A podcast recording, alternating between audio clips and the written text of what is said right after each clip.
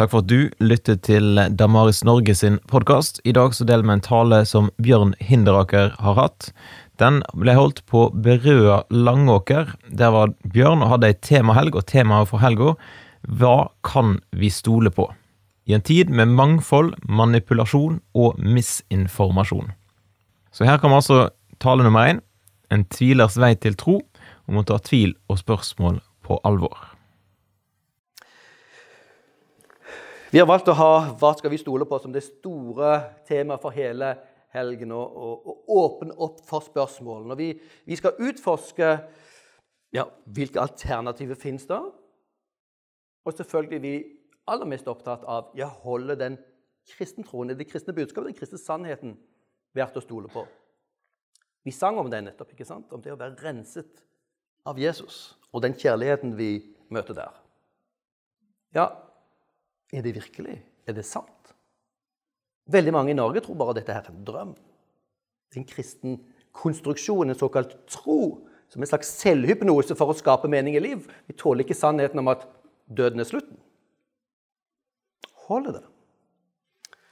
Jeg er overbevist om at dette holder, men, men for, å, eh, for, å, gi oss hjelp til å arbeide med dette, så skal vi ta eh, temaet i kveld tvilerens vei til tro.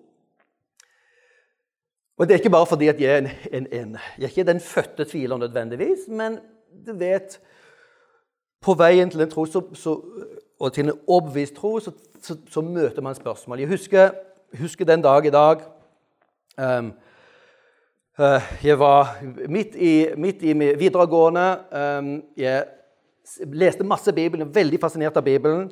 Jeg elsket å lese den. Og så hadde vi eh, et landsted ved Åpda på Sørlandet. Vi bodde, og inn forbi oss så bodde det en veldig spesiell, kul familie. En hippiefamilie. Um, og eh, de var veldig greie og hyggelige, og de prøvde liksom å, å De levde øko, økologisk på 70-tallet. Det er snakk om å være forut for, for, sin tid. Økologisk jordbruk med en god del, en god del litt, litt spesielle spesielle skikker. Eh, men han visste at jeg var opptatt av dette. her. Han visste jeg kom fra en kristen misjonærfamilie. ikke sant? Så sier han, se her, se i leksikonet hva det står. I kirkemøtet i Nikea. Da ble det vedtatt at Jesus var guddommelig. Og da ble også Bibelen laget. Og det skapte en grunnleggende tvil. Hva er dette for noe? Er det sant, det som det leksikonet sier? At Bibelen ble til nærmest på 300-tallet, og at det var da Jesu guddommelighet ble, ble, til og ble oppfunnet og ble sagt vedtatt og påtvunget gjerne folk i etterkant. Det skapte en sånn en, eh, et ønske i meg om å finne ut ja, holder dette her.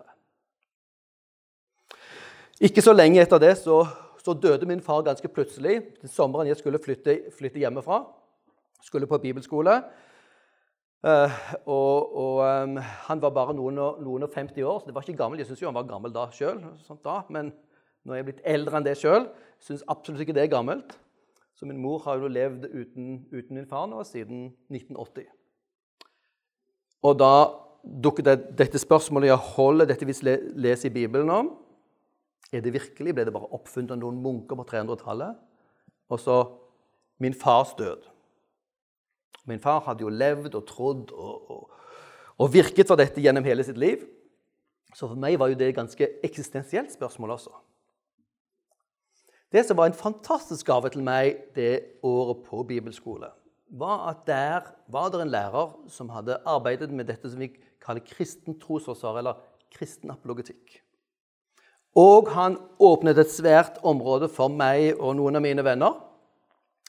Og annet fikk vi studere en eh, kristen tenker som heter John Warwick Montgomery, som hadde vært ateist. Og i sine studieår som, som, som, student så hadde han blitt nesten lokket inn i en diskusjon om Jesus, hans historisitet og hans oppstandelse. Han var jo som ateist helt sikker på at dette var jo veldig lett å forklare og, og, og sette de kristne på plass. Han ble overbevist kun av de historiske argumentene.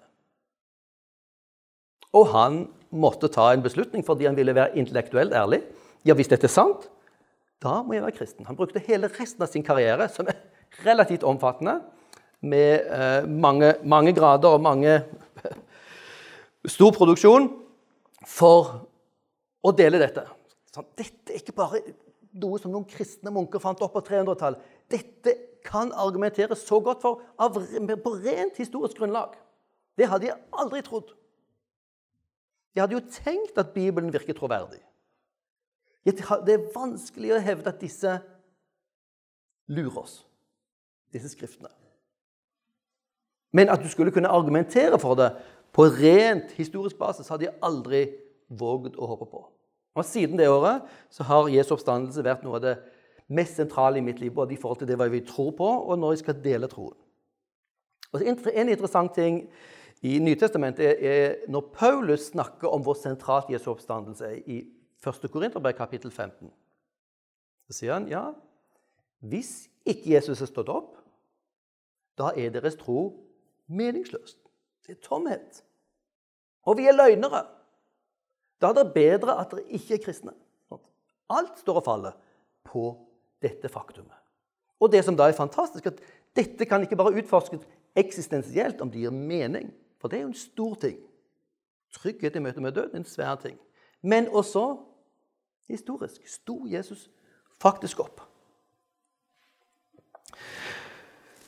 Så Det var et eksempel på én tvilers vei til tro som var en kjempestor hjelp for meg, og som nå er blitt en del av min agenda.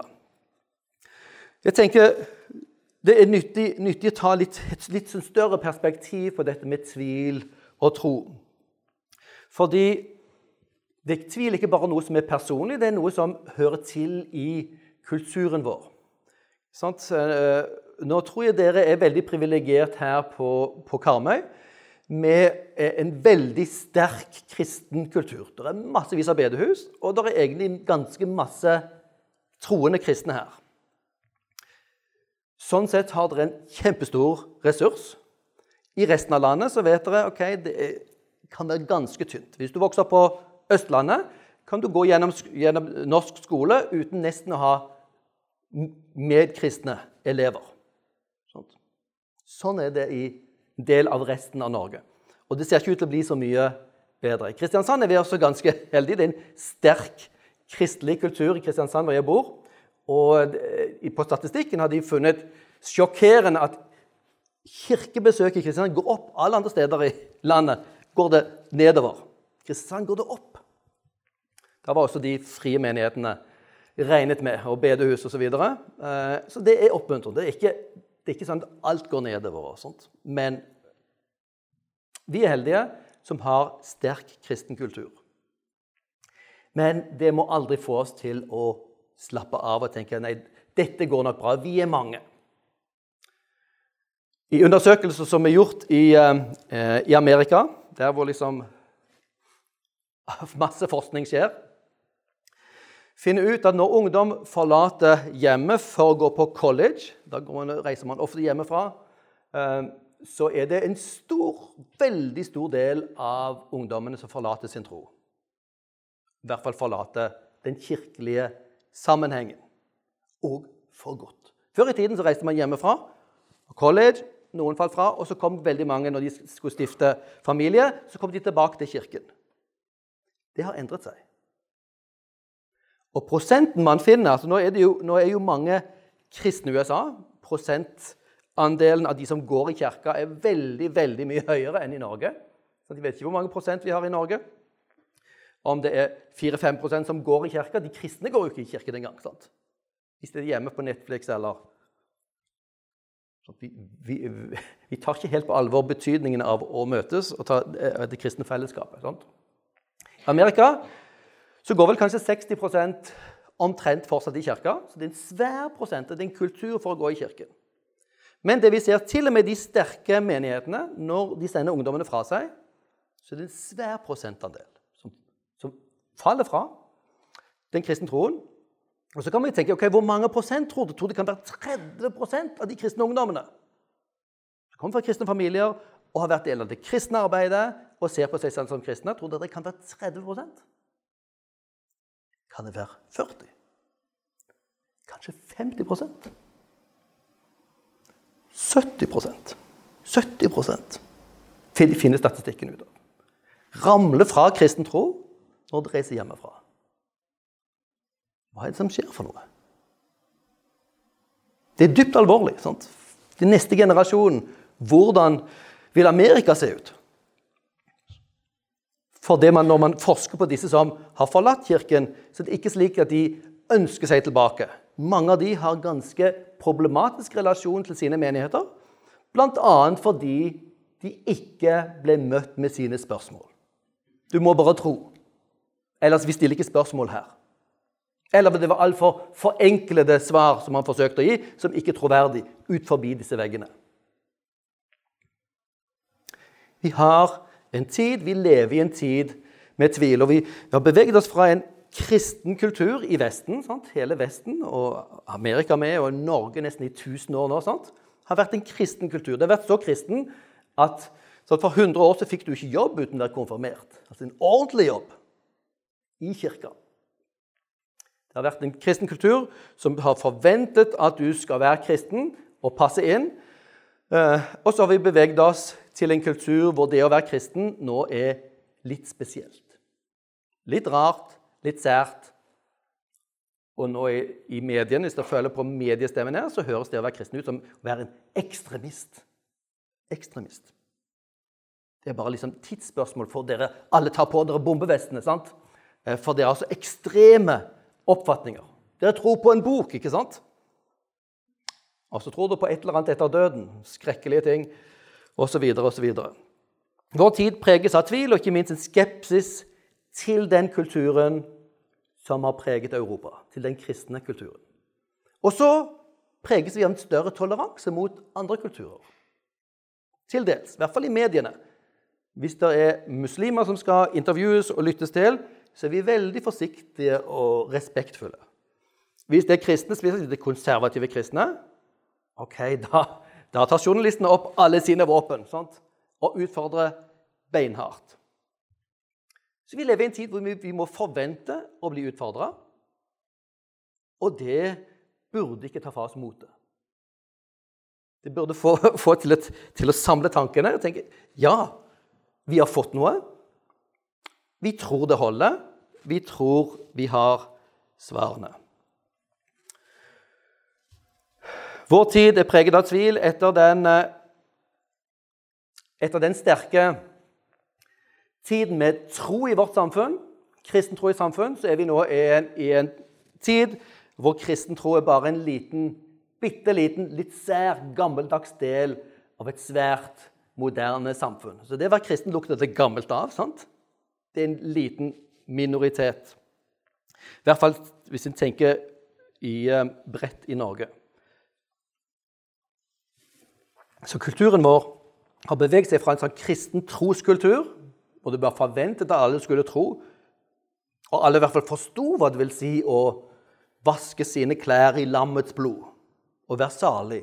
Rettferdiggjørelse, helliggjørelse. Det forsto man. Nå er det blitt et veldig veldig rart og fremmed språk. Vi har beveget oss i en kultur som er skeptisk til ikke minst kristen tro. Det trenger vi å ta inn over oss.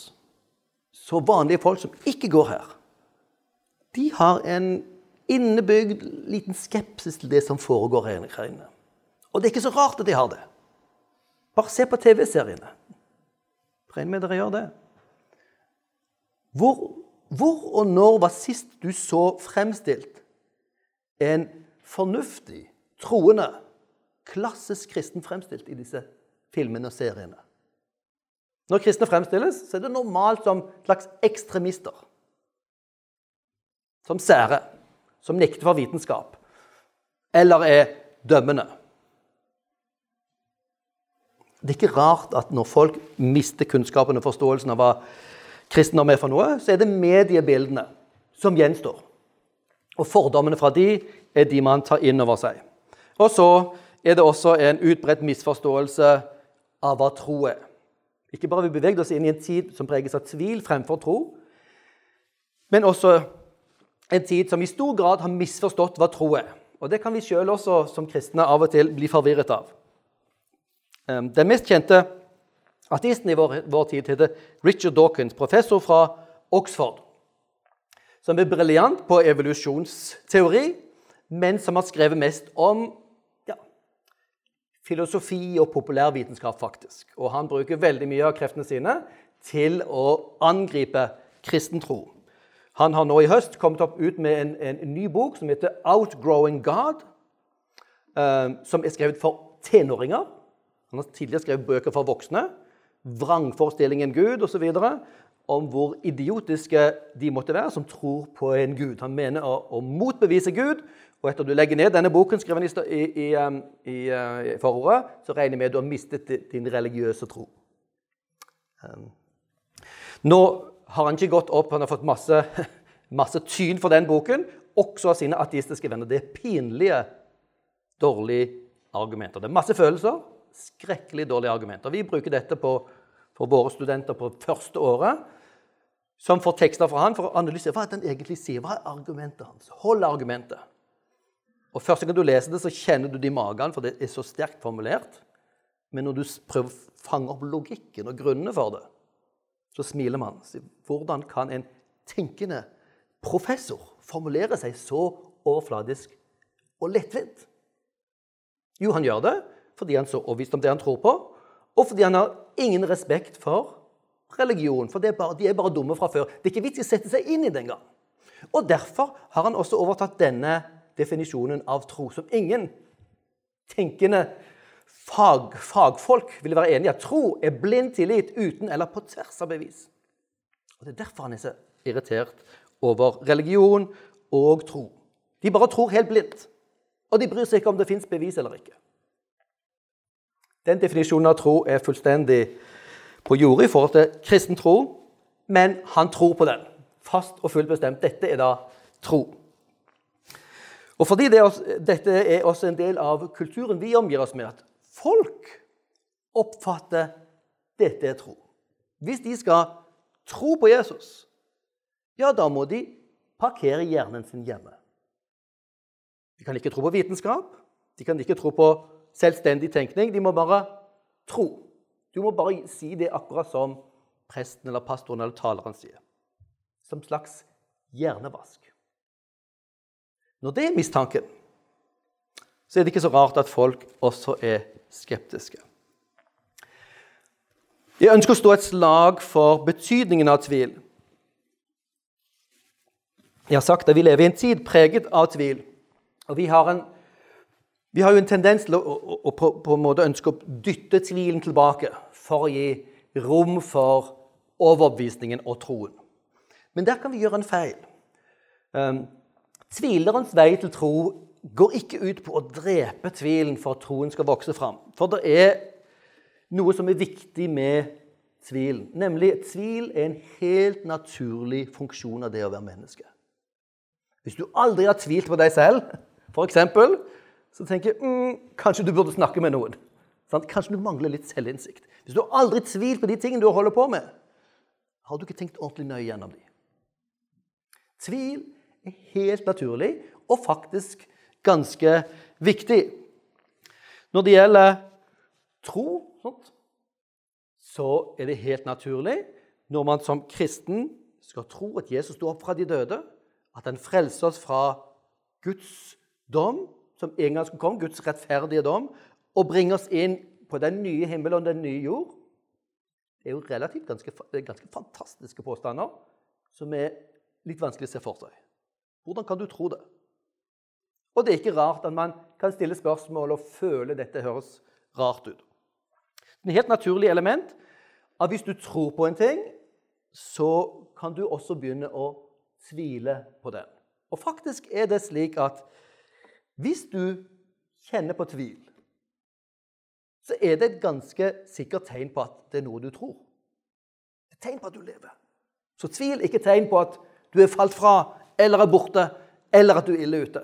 Men kanskje det rett og slett et tegn på at du tenker, at du faktisk tror på noe. Og fordi du tror, så er det naturlig også å stille spørsmål. Og tvil er naturlig, for det fins andre trosoppfatninger. Kristen tro er én av et vell av mulige livssyn i dag. Og det fins ikke noen opplagte svar lenger. Hvem er vi som mennesker? Er vi maskiner, eller er vi tilfeldige produkter av naturen? Materie, tid og tilfeldighet. Det sier den ateistiske naturalismen. Eller er vi guder som er bare gjemt i fysiske kropper? Som en gang skal realisere vår guddommelighet fullstendig? Eller er vi skapt i Guds bilde? Som den kristne troen sier. Det fins ikke fasit på de tingene. Og du kan se verden fra mange perspektiver. Og når vi lærer om andre perspektiver, snakker med mennesker som andre syn på det Ok, det går an å se på verden på en annen måte. Hvis dere har vært i kontakt med det vi kaller nyreligiøse, så er de opptatt av vår indre guddommelige kjerne. Å få kontakt med sitt indre, fullkomne, guddommelige og evige jeg. Og gjennom å få det synet på tilværelsen så det er veldig mange ting som faller på plass. Veldig mange ting som gir mening. Og så er det jo slik at, at, at de praksisene man, man, gjør som religiøst menneske, de er med å bekrefte disse oppfatningene. Når du lærer om andre oppfatninger, andre mennesker, så lærer du at ok, det fins andre måter å se tilværelsen på. Og da er det ikke rart at du kommer i tvil. Ja, men hvis han ser på det slik, Hvorfor ser jeg på det slik? Begge to gir mening. Det er også viktig fordi at fundamentet for troen trenger å sjekkes. Sånn, vi er veldig glad for flyteknikere. Dere reiser noe med, Dere har jo egen flyplass her på Karmøy. vet du, Luksus. Um, det er veldig mye arbeid med å holde fly flyvende. Sånt. Og Hver gang det er et fly som skal opp, så ser du der går en kanskje pilot eller tekniker rundt, ser på maskinene, ser på rotorbladene, ser på vingene. Er det sprekker? Er det noen tegn til svakhet her? Fordi tvilen, skepsisen, undersøkelsen er med å sikre at dette er trygt. Hvis du aldri har tvilt, aldri, stilt spørsmål, så kan vi risikere at du rett og slett er hjernevasket. Eller at du bare har vært for naiv. At du bare passer inn i en kristen kultur der hvor du er vokst opp, og, og det er veldig greit å være. Sånn? Og da bekrefter du mistanken mange har utenfra. Fundamentet i troen trenger å sjekkes. og Det er det som ofte skjer når ungdom forlater hjemmet og skal ut på universitetsverden. Man lærer å stille kritiske spørsmål. Slik er det man lærer. Og hvis hjemmet og menigheten ikke ruster oss til den måten å tenke på. Ikke gir rom for spørsmålene. Ja, da er det et problem. Vi gjorde en undersøkelse for noen, noen år siden, et trosopplæringsprosjekt, hvor vi intervjuet eh, eh trosopplærere, altså konfirmantlærere i Kristiansandsområdet, og spurte ja, hvor, hvordan forholder dere dere til livssynsmangfoldet. For de konfirmantene dere har, de er jo ikke bare overbeviste kristne. Veldig, veldig, mange av de er sekulære, er jo egentlig i praksis ateister. Og så lever de i en skolehverdag hvor det er mange andre livssyn, bl.a. islam. Kanskje buddhister, kanskje andre også. Hvordan forholder trosopplæreren seg til disse andre livssynene? At det faktisk ikke er helt opplagt hvorfor skal du velge kristen konfirmasjon? Og svaret var vel sånn som vi frykta ikke Men tenk ikke på det. Man forutsetter når vi kommer inn her, snakker vi om Jesus. Det er jo ikke så dumt. Men Jesus er bare én av et mylder av alternativer. Hvorfor akkurat Jesus? Og Det var trosopplæringsprosjektet vårt. Og så stilte vi det andre spørsmålet. Ja, hvordan, hvordan er det med å åpne for spørsmål i sammenhengene deres? Hvordan er det i forhold til det å svare på spørsmål og åpne for spørsmål? Og så var det veldig mange av de som meldte tilbake. Um, vi syns det er litt skummelt, for vi vet ikke helt hva vi skal svare. Og da er det 15-åringer, og du har da voksne kateketer, trosopplærere. Jeg forstår det godt. Fordi om man er voksen, så har man ikke fått de ressursene. Ja, hva med vitenskap? ikke sant? Hva med alle krigene i Gamle Testamentet? Det høres jo voldelig ut. Finnes egentlig Gud? Kristen tro er overtro, osv. Man er ikke blitt lært opp til det. Ikke i teologiutdanningen heller. Ikke i kirka, ikke hjemme. Og så når ungdommen kommer og spør, til og med de ganske små, så har man ikke svar. Da er det best å bare droppe det. Og det er ikke så rart da at, at uh, også unge tenker at nei, dette er ikke et sted hvor det finnes egentlige svar. Her er et sted for tro, for de som ikke er spesielt interessert i å stille spørsmål. Så dere ser noe av utfordringen vi, vi lever i. Både at kulturen vår er preget av tvil, og kristen, kristenarven vår. Altså, vi er offer for Kirkens suksess.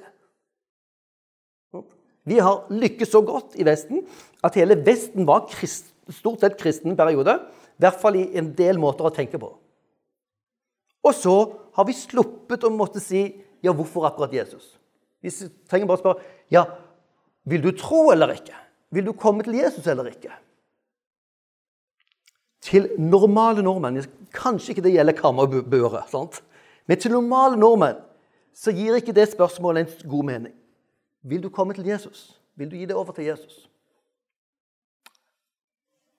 Hvorfor akkurat Jesus? er det selvfølgelig spørsmål. Og det fins jo så mange gode svar på det fra det kristne perspektivet. Men vi har aldri blitt utfordret og aldri lært å svare på det. Bare noen, noen eh, eh, kommentarer om dette med tvil. Hva er tvil for noe? Vi har en tendens til å se på tvil som et problem for troen. Jeg har sagt at vi trenger å tenke gjennom tvil i den forstand at du stiller spørsmål er en god ting. Tvil kan også være en veldig vanskelig ting. Det kan passivisere, lamme deg fullstendig. Det kan ta fra deg livsgleden. Sånt. Men et normalt eh, eh, mengde tvil er faktisk sunn. Og det er viktig at vi tar den på alvor. Ordet tvil kommer jo fra tvi, ikke sant? To. Det har med to å gjøre. Sånn som å være i tvende sinn. To tanker i hodet. Du står for et valg, og det er to ting. Du vet ikke helt hva du skal velge. Eller ha to tanker i hodet samtidig. Tvil dreier seg om at du har én ting som du tror på, og så har du andre tanker som utfordrer deg. Er Jesus Gud, eller er Jesus kanskje bare en profet, eller kan vi vite noe om Jesus? Kanskje Jesus aldri har levd? Hva, hva skal du tro? Og Hvis man ikke går inn i spørsmålene, så kan denne tvilen ligge der og gnage i mange år. Og når du da kommer under press, så bryter troen ned, og du velger den andre veien. Så tvil dreier seg om å ha flere tanker i hodet på samtidig, og at det gjør det vanskelig å være fokusert på det du tror på. Det er, er en term i, i, psykologien som kan hjelpe oss å forstå dette her litt. Det kalles kognitiv dissonans. Og jeg tror det er det er de kineserne som ord for tvil. Vi, vi, vi snakker om å ha én fot i hver leir. Du, du, du, har ikke gjort et valg. De bruker et enda sterkere bilde. Ha én fot i hver båt. Sant? Og du vet hvordan det går. Sant? De går fra hverandre helt til det begynner å gjøre vondt. Sant? Du står i spagaten, og du må velge en av båtene, eller du faller. Faller ramler midt imellom. Tvil er en utfordring for å velge side, ehm, for å være bevisst hva man tror på. Og jeg tror det kan være, være nyttig å skjelne mellom tro og tvil og vantro. For en del kristne går rundt med dårlig samvittighet fordi de tviler. Vi burde jo ikke tvile, vi burde jo tro. Hele Bibelen oppfordrer oss til å tro. Men det er viktig å skjelne mellom tro og tvil og det vi kaller vantro. Vantro er når du har gjort et valg om du ikke vil tro på Jesus. Da er du ikke i tvil, egentlig. Da har du bare bestemt deg, og du er ikke interessert i noe mer. En som er vantro, ikke vil tro, okay, han er ikke åpen. En som er tvilende, kan være tvilende i, en, ja, i, et svært spekter av tvil. Veldig sterk tvil, eller svak tvil, eller moderat tvil. Den som er tvilende, han er fortsatt åpen. Og ganske ofte så ønsker man å tro. Men det er et eller annet som gjør at det er noe som er vanskelig å gripe. Så tvil er av og til der vi beveger oss ut, eh, enten av vår egen mentale tilstand, spørsmålene vi har, eller spørsmål vi møter andre, eller det vi møter fra kulturen. Og tvil kan være en sunn ting som driver oss tilbake til en mer forankret tro. Faktisk er det jo sånn at noe av de dypeste kristne historiene og i, i, i bibelhistorien er de som virkelig har kjempet med tvil. Og kommet gjennom den. Og da finner ut ja, du satte mine føtter på fjell. Nå vet jeg dette holder. Det var ikke bare kulturen min at jeg hadde fordeler av det, eller at det var greit og lett å være kristen. Nei, det er sannheten. Og tvilen er noe som driver oss tilbake til å sikre at det, det, det, er sannheten vi har. Det er ikke bare vår egen behagelighet. La meg dele med dere en eh, trosreise til en av heltene på vårt studium kommunikasjon og livssyn. Han heter C.S. Lewis og er en av de viktigste kristne forfatterne i de forrige århundre. Kanskje flere har kommet til kristen tro gjennom å lese hans bøker enn ja, vel, i hvert fall veldig mange andre. Han eh, vokste opp i et kristent, kristen hjem, eh, og veldig tidlig i sine ungdomsår så ble han ateist. Han mistet sin tro. Eh, han møtte studier og forskning, og så levde han i en tid som var veldig optimistisk. Og tenkte dette med religion hører fortiden til. Dette er gammeldags. Vi må legge vekt på vitenskap og fornuft nå. Vi kan ikke vi kan gå på de gamle krykkene til religionen. Ganske tidlig i tenårene så tok, gikk han over fra kristen tro, som en del av den nedarvede troen, til en ganske hard, mørk ateisme.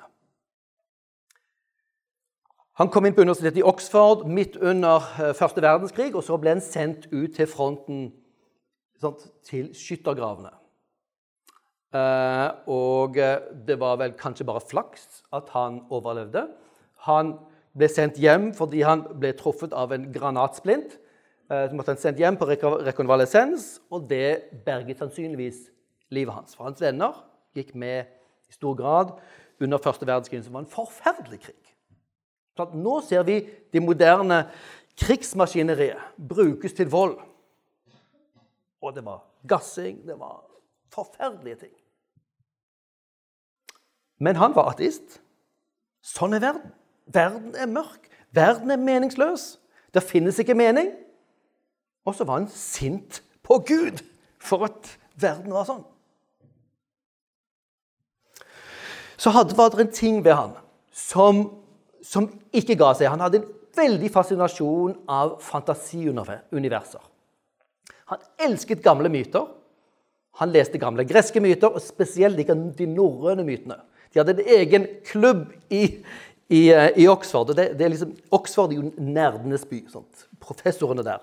Hvor du måtte kunne islandsk for å bli medlem. Fordi de valgte å lese mytene på norrønt. Det er litt sært. Men han elsket mytene. Og, uh, men han, han, mente dette bare var løgn og bedrag. Og så så han i mytene så er det lengsler om mening, om redning om heltemot, godhet og iblant håp. Men han var overbevist om at dette fantes ikke. Verden er meningsløs. Så levde han i en konflikt altså, mellom alle de tingene han opplevde som viktig for seg selv. Skjønnhet, godhet, håp, mening. Det hørte til løgnen, bedraget og mytene. Og virkeligheten var egentlig bare mørk og grå og meningsløs. Hvordan kan det hende? Hvordan kan det ha seg, tenker han som ateist, at det fins lengsler i meg her etter disse mytene? Hva er det for noe? For han så begynte han å stille spørsmål til kan ateismen være sann. Kan det være sant at alle de tingene som er viktigst for meg, lengsel etter mening, etter betydning, etter håp, etter å være verdifull de tingene som er aller viktigst for meg, bare løgn. Og de som er mest depressive for meg, er sannhet. Det er et eller annet her som ateismen ikke greier å forklare. Og Så begynte han å stille spørsmål. Han kom i tvil om ateismen. Og så begynte han å se etter hvert at hans ateisme var basert på bare tenkte Hans, hans samtid var sannsynligvis den mest opplyste. Så kronologisk snobberi i vår tid er mest opplyst, og vi vet at religion hører til fortiden. Det var bare en fordom han hadde. Han hadde jo ikke noen gode argumenter. Og så, etter hvert, ble han overbevist om at disse dypere elementene i oss, og de dype lengslene i oss, de må peke på noe virkelig. Og det åpnet veien hans tilbake til troen på at det måtte jo finnes en Gud. Ellers har du ingen forklaring på alle de viktigste tingene i livet. Men han ble ikke kristen på det tidspunktet. Det gikk en lang tid før han kunne akseptere troen på Jesus. Og Det var fordi han elsket myter. Men Bibelen var liksom den boken hvor myter var forbudt og ikke interessant. Han elsket mytene, og så hadde han problem med å passe fortellingen om Jesus inn der. Han fikk hjelp av en nær venn som heter Tolkien. Han som har skrevet 'Ringenes herre'-serien. En fantastisk fantasiserie.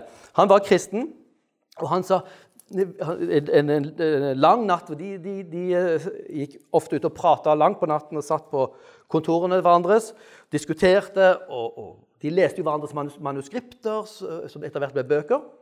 Og En natt så var, var, de ute og gikk i den svære parken som tilhører dette, dette colleget som, som, Louis var professor på. Og, og Problemet for Louis var dette med, med kristendommen, som ikke kan akseptere myter. og Bibelen som er negativ til myter. Så sa, sa tolken til ham vet du hva, du elsker jo sånne fortellinger når guder fremstår som helter og gjerne ofrer seg for noen. Og dette med offer i mytene, det syns du er en vakker ting. Når du leser Bibelen, så syns du det er primitivt. Hvordan kan det ha seg? Og når du i Bibelen hører om en gud som dør og står opp igjen, så tror du det ikke, men du syns det er vakkert i mytene. Du burde heller, Louis, sa, sa eh, tolken, du burde se den kristentroende Bibelen som den sanne myten. Myten som blir virkelighet. Mytene er drømmer Gud har gitt kulturene rundt omkring for at de skulle lengte og søke etter Gud. I Jesus har Gud handlet inn i historien på måter hvor du kjenner igjen mønstrene fra disse ulike fortellingene. Det er myten som ble virkelighet. Og Da, da, løsne, da falt tingene på plass for Louis, og han ble kristen. Ehm, det var hans vei til troen på Jesus. Og han ble senere en av de aller viktigste kristne forfatterne i det forrige århundret. Fordi han har gått den tunge, vanskelige veien. Han ønsket ikke å bli kristen. Men han måtte følge der fornuften ledet han. Ateismen holdt ikke. Når han måtte stille spørsmål til ham. Og Det er en av de tingene vi trenger å gjøre. Vi trenger å lære å stille spørsmål til selvfølgelighetene folk tror på i dag. Han formulerte seg sånn når han skal forklare han tror, hvorfor han tror på kristendommen. I believe in Christianity as I believe the sun has risen. Not only because I see it, but by it I see everything else.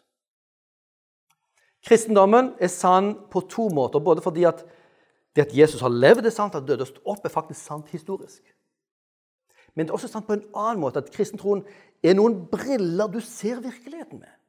Så når du ser dine medmennesker, ser du ikke bare arten Hobon Sapien som går på to bein, og pelsløse, tobeinte sant, eh, pattedyr. Nei, du, disse mennesker skapt i Guds bilde som er evighetsvesener. Du ser tilværelsen på en annen måte som noe vakkert skapt av en god Gud, som skal ha en framtid en gang. Og da faller tingene på plass. Både det mørke, menneskets ondskap, og at naturen også er skadet, og det skjønne og det vakre, og våre lengsler. Det faller på plass i dette større bildet på en måte det ikke kunne gjøre i ateismen. Og C.S. Lewis kommenterte om tro Tro er kunsten å holde fast på det du egentlig ble overbevist om på tross av svingende følelser. I dag er ofte, veldig ofte tro koblet til følelser. Og iblant er kristne møter i noen, i noen kristne sammenheng det er, Vi jobber for å få opp og kjenne den gode følelsen av Guds nærvær. så sier C.S. Lewis, en klok mann som også vet mye om med følelser Følelser er faktisk noe av det som svinger mest i universet. Sant? Avhengig av hvordan magen din er, om du har fått kaffen din, sant? om noen har kommet med en sur kommentar til deg, så er følelsene dine nede. Følelsene er det mest svingende i universet. Vi kan ikke forankre livet vårt i våre følelser. Tro dreier seg om å holde fast på det du vet er sant, fordi du har undersøkt det. Og selv om følelsene svinger. Godt. Så tro dreier seg ikke om å få løfte opp følelsene. Tro dreier seg om å se ja, dette er mine følelser i dag. Men jeg har undersøkt det, og derfor vet jeg at det er sant. Så jeg holder fast på det, Jesus, selv om jeg i dag føler føler tomhet. Føler meg eh, ja, nyttesløs. Føler meg verdiløs. Føler ja, meg sint. Fordi det er sant så holder jeg fast på det. Så tro er ikke følelser. Tro burde være forankret i noe vi har undersøkt. Og Det er en av utfordringene hos oss, og det, det vil jeg liksom oppfordre oss til her nå. Vi, vi trenger, Du har fått en skatt gjennom din tro. Og det er en så stor skapt at den trenger å utforskes. Og Du trenger å finne ut hvorfor akkurat Jesus. Og Det spørsmålet er noe som kan styrke din tro, redde din tro når du beveger deg ut i den større verden, og kan hjelpe deg som, bedre som å være vitne. Dette var også C.S. Lewis. La meg dele litt eh, helt kort med dere en, en av um, de nåværende forfattere som har vært god hjelp for, for mange av oss.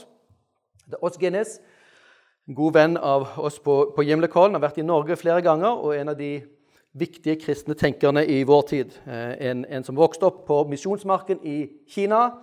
Hans eh, eh, bror døde i sultkatastrofen mens de måtte flykte fra, eh, fra krigen. Eh, vokste opp i England, eh, arbeider nå i USA. Han har skrevet en bok som heter 'Reisen hjem'. Den finnes faktisk på norsk. Jeg tror kanskje den er utsolgt. Men han, han snakker om når mennesker skal komme til tro, og hvis vi ikke på forhånd forventer de er vokst opp i en kristen sammenheng, hvordan skal vi hjelpe tvilere og skeptikere til tro? Jo, da er det noen stadier vi alle egentlig trenger å gå gjennom. Det ene er tiden for å stille spørsmål. Når vi er små, så stiller vi spørsmålet hvorfor, hvorfor, hvorfor. Og heldigvis nå er skolen også blitt et sted hvor man skal lære å stille spørsmål. I min tid så lærte vi bare svarene. sant? og kunne gjenta svarene til lærerne. Det er den gamle kulturen. Nå skal man lære å stille spørsmål, og forhåpentligvis kan de bevare nysgjerrigheten. Det er ikke alle som greier å bevare den gjennom skolen. ikke sant? En tid for å stille spørsmål. Hvem er jeg? Hvor kommer jeg fra? Hvor går jeg hen? Finnes det håp? Er egentlig verdifull. Så kommer alle de store etiske spørsmålene også. Tiden for spørsmål. Vi trenger å tenke gjennom de store spørsmålene. Hva er spørsmålene folk stiller i dag? På våre, på våre eh, nettsider Damaris Norge og podkasten vår vil dere se vi, vi prøver å løfte fram disse spørsmålene, tenke gjennom dem og, og, ta dem på alvor. Og prøve å føle med moderne mennesker. Hvordan opplever de tilværelsen? Hvorfor er dette spørsmålet så viktig? Hva er alternativene? Det var de alternative svarene. Og hva er det kristne svaret? Hva kjennetegner det? Trenger, Det er ikke nok å bare stille spørsmål. Vi trenger alltid på et eller annet tidspunkt trenger vi svar. Hvem er jeg? Når jeg skal ta de store valgene i livet, så trenger jeg å stille spørsmål, men jeg trenger et svar. Ellers har du ikke retning. Noen i dag sier at det, det, det, å stille spørsmål er mye bedre, viktigere enn å ha svarene. Mm, ikke hvis du er en lege. Ikke hvis du er pilot eller flytekniker. Det er viktigere å reparere enn at du får det til. Uh, ikke akkurat. Hvis ikke det er viktig, det du, det du holder på med, så er kanskje prosessen bedre enn ingenting. Det er bedre å være på vei enn å komme til målet, sier mange. Ja, hvis du er turist, da er du bare på vei og lever på dine penger og tar bilder av de eksotiske innfødte, ikke sant? Som typisk, eh, typisk arrogant vestlig holdning. Hvis du faktisk skal til et sted som er viktig, så er ikke bare veien viktig, men også at du kommer dit. Det er tid vi faktisk trenger, for vi trenger landet. Og da trenger vi å, å um, undersøke alternativene. Vi som kristne trenger også å tenke igjennom hva, hva er alternativet. Hva, hva er de sekulære svarene? De som ser på seg selv de er stolt fordi de ikke er kristne, de svarene. Hva er de svarene for noe? Og Det er noe av det som vi, vi jobber med på Gimlekollen, og underviser bl.a. I, i etikk der. Sånn, underviser i etikk på en kristen høyskole. Da skulle man tro at her, her kommer pastorene og forteller studentene om at dere lever skikkelige gutter. Ikke vær slemme osv. Nei, det vi gjør, vi pusher de på de store spørsmålene. Er mennesket verdt noe i det hele tatt? Hvilke typer svar finnes der? Og så løfter vi fram den gode eksempelet Friedrich Nietzsche, som sier viljen til makt er det viktigste. Livet er ikke det viktigste. Menneskeverdet er en religiøs idé vi må kaste til siden. Medlidenhet er en ynkelig kristen dyd som bare gjør menneskearten svakere. Dyrk fram det sterke. Vi vet at Det er jo sånn som nazismen sto, sto fram, så vi i vår kull liker ikke det. Men hvorfor ikke? Hva har du som svar til det? Når vi hører ditt svar, så kanskje man begynner å tenke ok, dette svaret var ikke særlig godt. Har de kristne noe svar? Tiden for svar, tiden for de ulike svarene. Og dermed gir det rom for å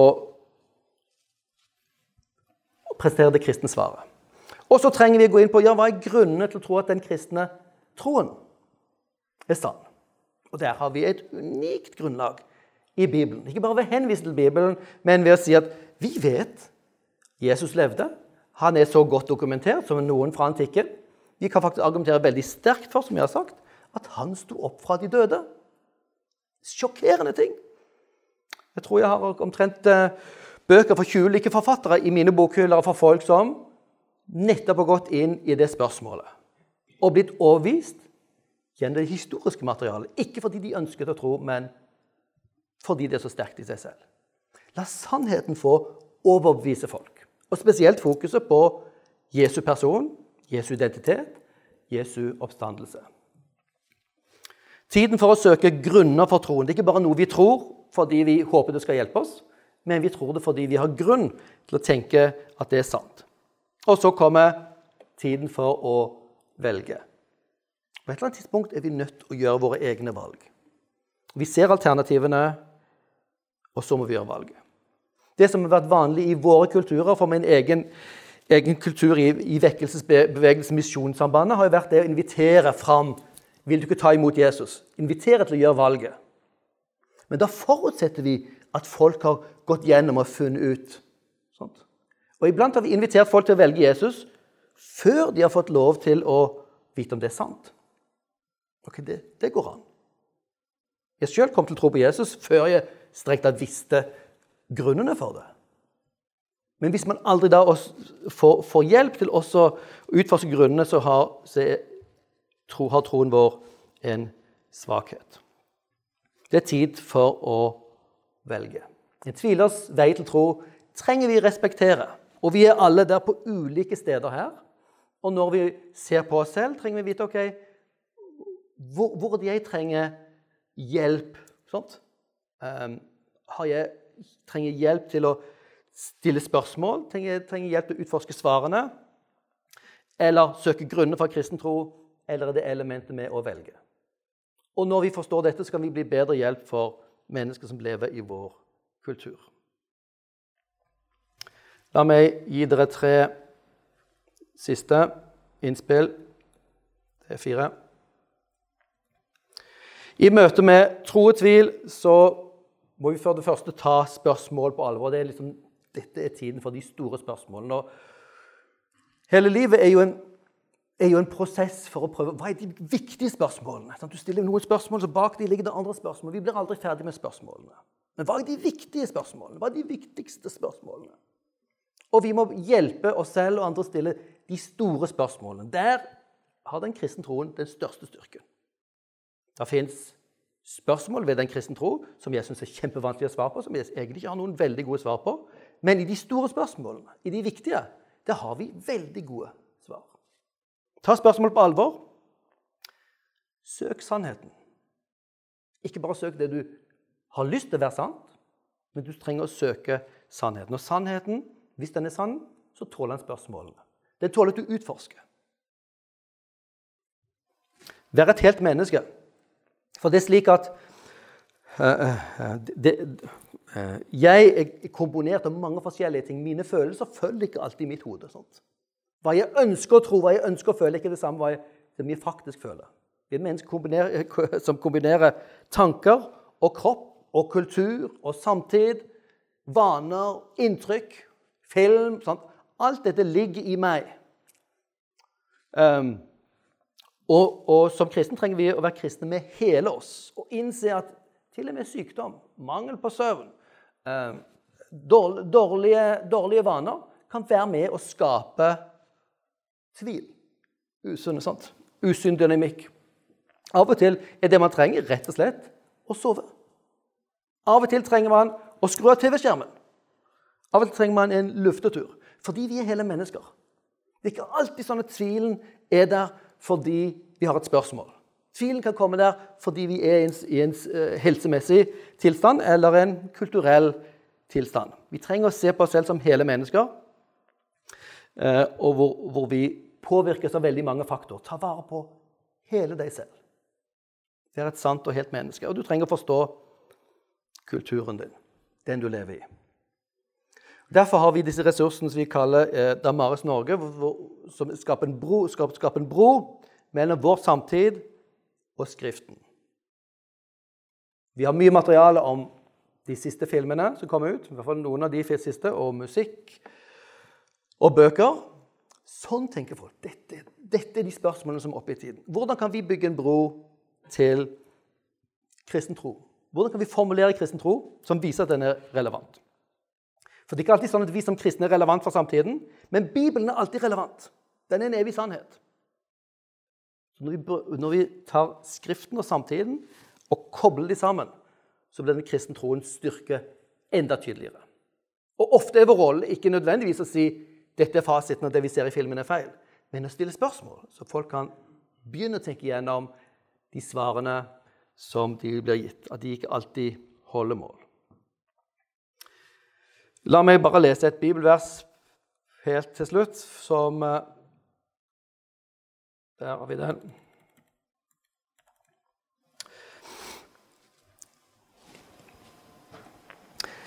Vi kan kalle det røtter til tvil, men, men uh, ved Guds barmhjertighet formaner jeg dere brødre til å bære legemet fram som et levende hellig offer som er til Guds behag. Det skal være deres åndelige gudstjeneste. La dere ikke lenger prege den nåværende verden, men la dere forvandle ved at sinnet fornyes, så dere kan dømme hva som er Guds vilje, det gode, det som er til hans behag, det fullkomne. Tvil kommer av og til at vi har glemt Guds barmhjertighet. Hva har Gud gjort? Du kan ha tvil om mange forskjellige ting, men du trenger vite hva har Gud faktisk gjort. Minnes om hans velgjerninger. Sånt. De forsvinner ikke fordi om du har tvil. Du trenger gå tilbake til the basics Be Guds barmhjertighet. Vi trenger også å, av og til å korrigere Guds bilde vårt. Tvil kan komme av at vi har et bilde av Gud som den strenge politimannen eller den fjerne faren. Og det er en forvrengning. Det er løgn om Gud. Vi trenger å få korrigert vårt gudsbilde. Guds barmhjertighet. Hva er det Paulus har snakket om? Jo, at Gud selv kom til jord. I Jesus så tok han på seg verdens synd og døde for oss og sto opp igjen. Og han gjorde det for øynene på alle folk. Det er offentlig, synlig, overprøvbart. Finner du noe mer troverdig enn dette?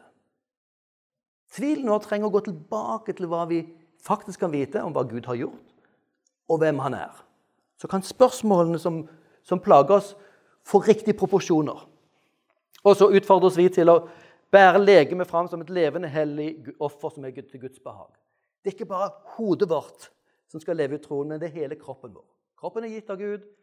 Tempel. Bruk den i tjeneste for Gud. Du skal ikke nødvendigvis gjøre så veldig mange annerledes ting fordi du er kristen, men du bruker disse til ære for Gud. Det var det du var skapt til å gjøre. Og når du gjør det, så begynner du å fungere sånn som du var ment å gjøre fra starten din kropp tilbake til Gud. Og i vår tid med det, det kroppshysteriet vårt så trenger vi å lære å elske også kroppen vår som en gave Ikke bare som en utstillingsvare som går på catwalken, ikke sant? Hvor, ut, hvor, hvor, hvor min verdi av, avgjøres av utseendet. Det er en gave fra Gud. Vi har fått kroppen vår. Og tar vi ikke vare på oss selv, og som hele mennesker, både sjel og legeme, sant? Så skapes denne her ubalansen, og også tvil kan skapes. Og så dette med samtiden. La dere ikke lenger prege den nåværende verden. Vi lever under press helt siden Paulus' sin tid. Er det den normaltilstanden for kristne?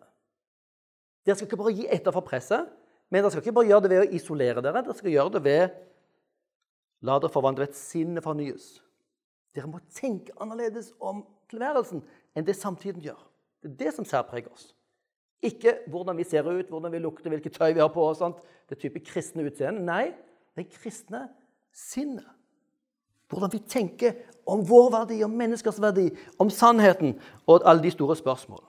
La dere forvandle ved et sinne fornyes, så det kan dømme hva som er Guds vilje. Når vi lar Gud forvandle sinnet vårt, når vi preges av det, så begynner vi å forstå rett og galt på en ny måte. Hva som er verdifullt, hva som er verdt å trakte etter. Så dere kan dømme hva som er Guds vilje, det gode, det som er et lands behag, og det fullkomne. Hvem er å gi oss en dømmekrav, så vi kan leve i denne verden. Og midt oppi alt dette her, så kalles vi til det livet som hele mennesker. Og der inkluderer Gud spørsmålene våre og hele oss. La oss be sammen. Vi takker deg, Herre, for at vi kan tro på deg. Takker deg for at du har eh, bevitnet sannheten i eh, din gave til oss. Jesu Kristus død for våre synder, oppstandelse til vår rettferdighet. Vi kan ha tillit til det, og at vi kan ha trygghet for at det kan tåle spørsmålene. Og jeg ber at du må utruste oss til å kunne møte våre egne og samtidens spørsmål på en måte som, som er konstruktiv, som, som, som eh, vinner mennesker for troen, og som forankrer de trygt hos deg. Fordi du er sannheten, og du har de beste svarene for oss. Amen. Takk for at du lytter til Damaris Norge sin podkast. Og har du lyst til å være med og støtte arbeidet til Damaris Norge, da kan du gå inn på damaris.no. Der finner du ulike måter du kan være med og bidra til arbeidet vårt.